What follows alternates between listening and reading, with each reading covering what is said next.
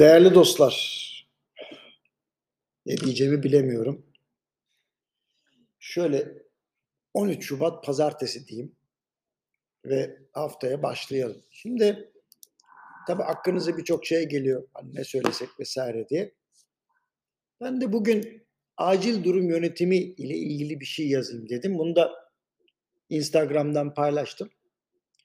Şöyle bu şiddetteki bir depremin yarısını kabul ediyorum anında sarmak mümkün değil. Ama ülkemiz sivil savunma ve seferberlik açısından organize olamamış bir görüntü sergiledi. Yardım için yurt dışından gelenlerin, iş makinelerini kullanmak için bölgeye gitmek isteyen gönüllülerin, yardım götüren araçların bekletildiği, bu arada sosyal medyanın yavaşlatıldığını görüyoruz. Bu gelişmelerin hiçbiri tecrübeli idarecilerin bulunduğu yerde gerçekleşmez. İşin esasını ben size söyleyeyim.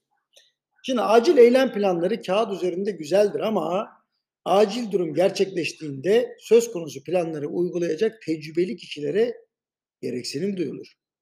Şimdi peş peşe hata olunca tecrübesiz personel üstünden talimat beklemeye başlar.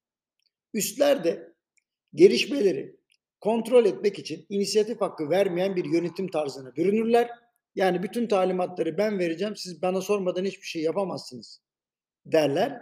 Ve sonuç olarak hayati önemdeki akışlar sürekli olarak üstlerin talimatı beklendiği için durdurulur.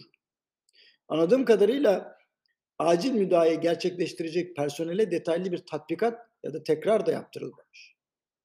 Bundan başka yıkılmış binaların içinden insan çıkarmak için beton ve demirlerin nasıl kesileceği konusunda bilgi sahibi olan kişilerin sahada olması gerekliliği de bir başka gerçek. Şunu anlıyorum.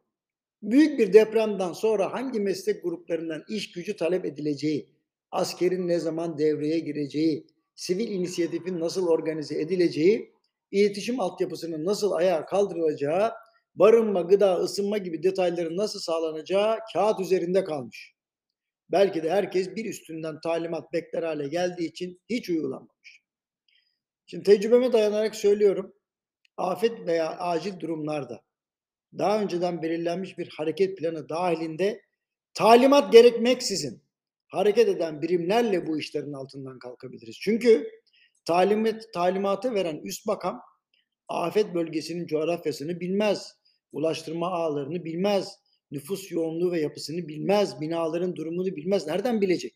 İletişim ağlarından da bilgi sahibi olmayabilir. İşte bu durumda vereceği talimat da işe yaramaz. Özetle ilk anda müdahaleyi yapanlar talimat beklemeden inisiyatif kullanan yerel ekiplerdir. Eğitimleri iyi olmalı ve afet riskinden korunan yerlerde yaşıyor olmaları gerekir ki can kurtaracak olan kişinin önce kendi can sağlığı yerinde olmalı. Şimdi bu bahsettiklerim tabii derli toplu bir planlamayla olur.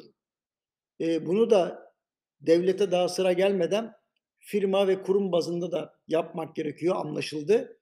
Çünkü muhtemelen İstanbul depremi başucumuzda bizi bekliyor ve kendimizi de her şeye hazırlıklı hale getirmek zorundayız. Yani onu da söyleyeyim.